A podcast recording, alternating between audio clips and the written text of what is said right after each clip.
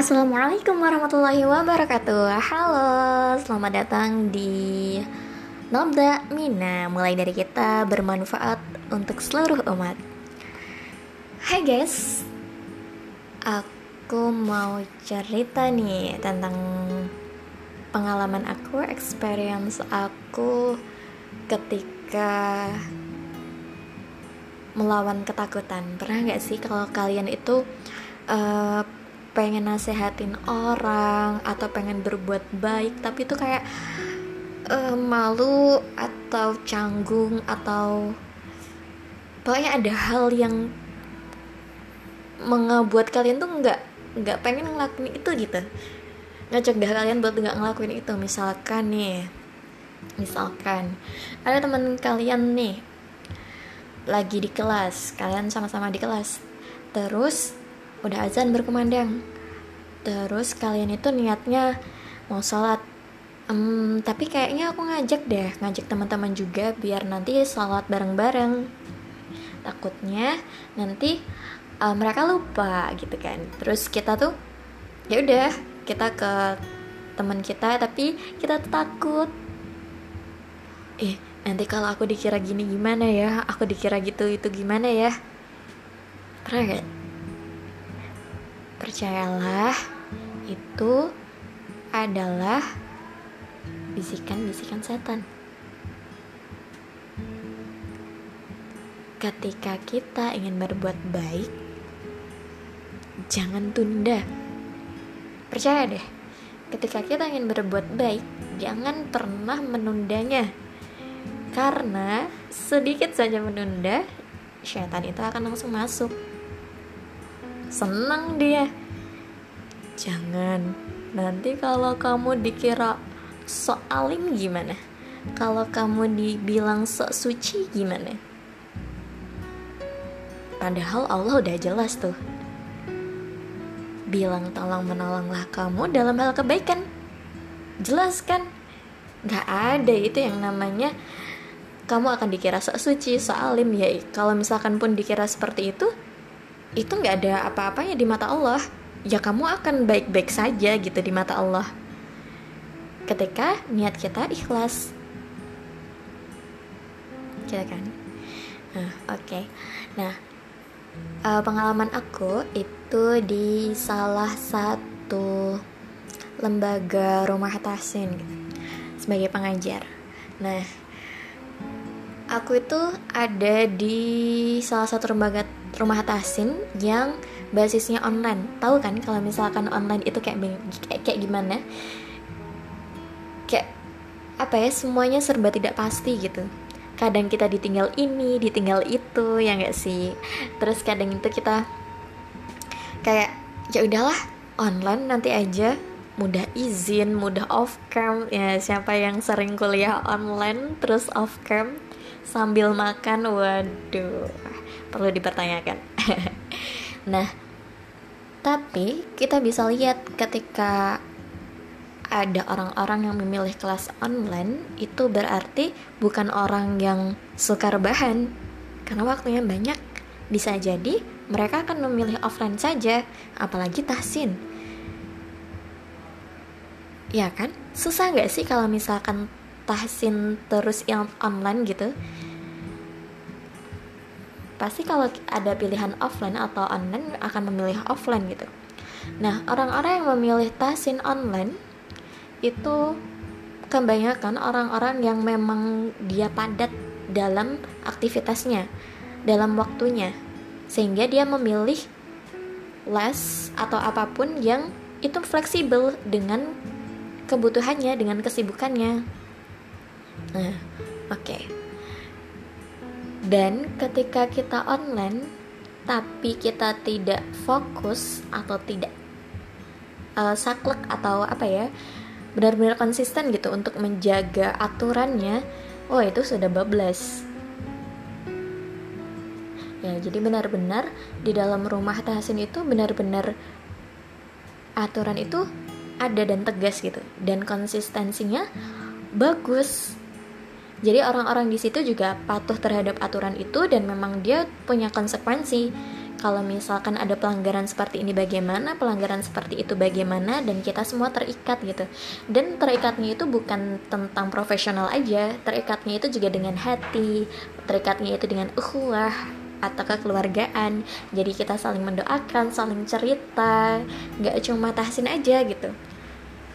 Eh apa pas tahsin itu banyak ceritanya? Ya enggak. Maksudnya enggak enggak se saklek ketika misalkan kita kuliah gitu loh yang harus paneng gitu. Ya oke okay, cair aja santai aja sambil cerita juga nggak apa-apa. Gitu misalkan ada yang lagi ada masalah atau misalkan ada ngelihat apa tabrakan kah di sekeliling rumahnya atau apa ada bencana apa apa apa. Kayak gitu diceritain aja juga nggak apa-apa di di tahsin itu jadi kayak ya kayak keluarga. Nah di situ bondingnya itu terbentuk. Nah dan di situ orang-orangnya bisa dipastikan orang-orang yang disiplin. Disiplin terhadap waktu. Jadi kalau ketika jam 7 mulai jam 7.00 mulai ya udah mulai. Kalau udah misalkan lewat satu atau lewat dua wah udah itu kena komplain. Kenapa tidak dikomunikasikan? Harusnya ketika kita lebih sedikit itu kita komunikasikan mohon maaf mbak uh, saya ada kendala ini Bagaimana jika tahsin kita undur sekitar 5 menit? Nah, itu dikomunikasikan. Benar-benar sampai sedetail itu. Dan itu keren banget. Orang-orang yang menjaga waktu, orang-orang yang mengutamakan Quran atas segala aktivitasnya, atas segala kesibukannya. Banyak loh peserta-peserta tuh yang mereka di dalam mobil mereka di bus itu tetap mereka tasin mereka belajar. Pun ketika mereka ada acara oke okay lah mereka nggak bisa tasin tapi mereka menyimak gitu. Keren banget. Pun ketika mereka barusan sampai di rumah itu mereka langsung belajar tasin oke oke aja rasa capek itu melebur gitu. Kenapa? Karena kita ketemu sama keluarga. Di rumah Tahsin itu kita adalah keluarga di kelompok itu kita adalah keluarga gitu. Ya seneng aja. Terus udah tuh eh, nggak uh, cuma dari segi waktu aja tapi dari segi kesehatan juga kayak gitu. Misalkan ada yang sakit tuh di dibela-belain tetap tasin kayak gitu. Itu luar biasa perjuangan yang mengutamakan Quran daripada kepentingan diri pribadi itu menurutku luar biasa. Nah jadi dari situ kita terbawa juga. Masya Allah pesertanya sangat semangat sekali. Ustazahnya juga harus lebih semangat gitu kan. Nah mula-mulanya itu gimana ya rasanya ya? Agak canggung agak malu. Tapi akhirnya terbiasa gitu. Ketika kita kan emang harus on time ya? Waktu jam 7 ya jam 7 nggak ada nggak ada lebih lima nggak ada lebih sepuluh ya jam 7 jam 7 mulai time gitu kan. Ya udah kita disiplin atas hal itu gitu. Jadi ketika kita punya kesibukan lain pas hari itu pas jam itu itu nggak keganti tapi tetap diusahakan. Misalkan aku di dalam mobil. Itu juga pernah tahsin terus di uh, di tambal ban itu juga pernah ngajar. Terus di masjid itu juga pernah ngajar. Terus di rumah temen di emperan di depan jalan di depan jalan raya itu juga ngajar.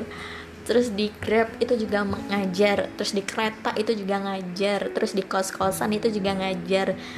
Pokoknya di mana pun tempatnya seramai apa pun bahkan dulu aku pernah ngajar itu di warung sate karena memang pas itu ada rapat gitu kan. Rapatnya di warung sate dan itu rapatnya belum selesai. Jadi aku minggir dulu minggir dulu dan ya udah tahsin aja gitu. Mungkin bagi sebagian orang itu tempat bising itu tempat mengganggu orang lain tapi di lain sisi mungkin kita ada ketakutan kayak ih nanti kalau aku dimarahin gimana? Ih nanti kalau aku dikira sombong gimana? Ih kalau aku dibilang sok suci gimana? Hey tapi enggak. Bahkan banyak orang-orang tuh yang hatinya terketuk gitu. Ketika ada orang yang memperlihatkan apa ya kayak memperlihatkan peluang gitu peluang kebaikan yang mereka bisa ikuti jadi orang-orang tuh banyak buat kayak misalkan aku udah selesai ngajar nih ada yang deketin e, mbak mbak ngajar ya tahsin. Boleh nggak kalau aku sama keluarga aku ikut? Gitu. Terus aku di kos kosnya baru gitu kosnya sepi banget gitu. Terus dan ini kita punya peraturan bahwa kita tuh nggak boleh ribut. Bayangin dong aku tahasin track-tracknya kayak apa kan. Terus ada mbak-mbak tuh beberapa mbak kalau misalkan mbak ngajar tahasin di kelas ini gimana gitu? Ada lagi tuh di mobil di grab. Mbak mbak ngajar umi ya? Iya pak gitu. Oh iya istri saya juga belajar cuma udah berhenti. Gimana kalau mbak nerusin gitu? Banyak. Guys ternyata banyak peluang-peluang kebaikan yang kita bisa ambil banyak orang-orang yang di sekitar kita yang sebenarnya butuh sentuhan. Tapi kitanya aja yang kayak maju mundur. Dan ingat teman-teman kalau kita punya kebaikan ini beneran beneran. Kalau kita punya apa ya niat kebaikan lakukan langsung lakukan itu. Jangan pikir panjang. Tapi dengan cara yang baik ya. Suatu kebaikan kalau tidak dengan cara yang baik ya itu tetap salah gitu gitu. Jadi apa ya mindset kita ketika kita mencontohkan suatu hal yang itu berbeda dari yang lain itu tuh kayak ya kalau itu kebaikan oke oke aja gitu. Masa orang-orang yang yang tanda kutip apa ya suka memamar, memamerkan keburukan itu enjoy enjoy aja. Sedangkan kita yang notabene berbuat baik kita malah malu gitu. Kebalik lihat nggak sih kalau di jalan gitu ada uh, ya orang-orang yang berpakaiannya tidak selayaknya gitu. Tidak selayaknya tuh misalkan uh, gimana ya kayak cowok kayak gitu tapi dia cantik um, pakaiannya juga cantik. Itu kan menyimpang ya sebenarnya tidak sesuai dengan kodrat gitu. Tapi mereka enjoy-enjoy aja untuk memamerkan di depan publik terus orang-orang yang pacaran enjoy-enjoy aja mau memamerkan di depan publik. Kita? Kenapa kita yang membawa kebaikan ini harus malu? Kalau misalkan kita mau berniat untuk mengajak sholat ajak aja. Kalau misalkan kita mau ngaji di mana pun itu ngaji aja. Enggak salah. Yang penting tidak mengganggu orang lain gitu tahu takarannya. Nggak mungkin teriak-teriak seteriak itu juga kan. Ya yang penting bisa terdengar dan juga soft gitu lah ya. Bagus tanda kutip bagus suaranya.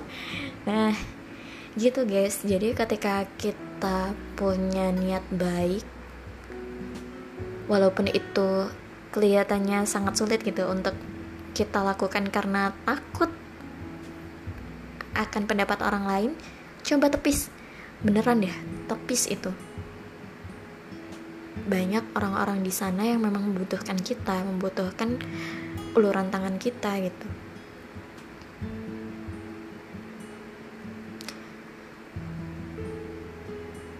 Luar biasa banget. Dulu Rasulullah itu benar-benar kan ya? Uh, beliau itu uh, mendapatkan wahyu dan di situ orang-orang sebelumnya itu kan penyembah berhala ya. Dan itu Rasulullah membawa risalah Allah itu benar-benar sangat luar biasa kan itu beda banget dari, dari yang lain. Dan gak ada sedikit pun rasa takut di dalam hati Rasulullah ya. Allah perintahkan ini ya ini gitu. Ini kebaikan ya aku akan sebarkan gitu. Pun memang itu kewajiban Rasulullah yang berdakwah. Tapi nggak Rasulullah doang, kita juga punya kewajiban sebenarnya untuk berdakwah. Karena ketika kita diam atas kemungkaran, yaitu kita akan mendapat dosa akan hal itu. Dan ketika kita diam, ketika kita punya kebaikan, yaitu juga akan diperhitungkan. So, berilah versi terbaik kamu dan jangan pernah malu untuk berbuat baik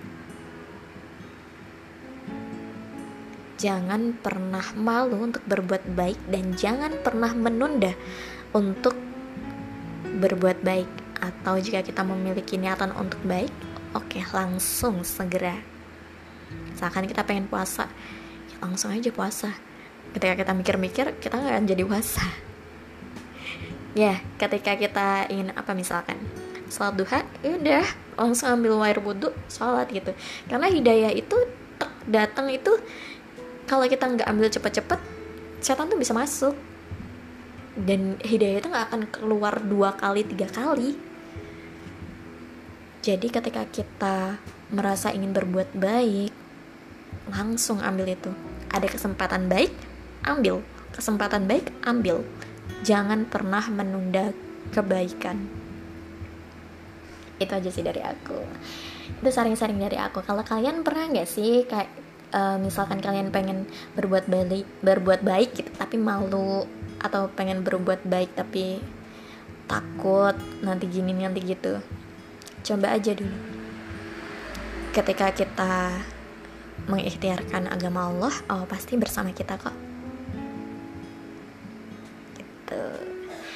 Oke, gitu dulu. Semoga ini semua bermanfaat ya. Jangan lupa untuk berbuat baik di mana pun dan kapan pun dan jadilah versi terbaik dari dirimu.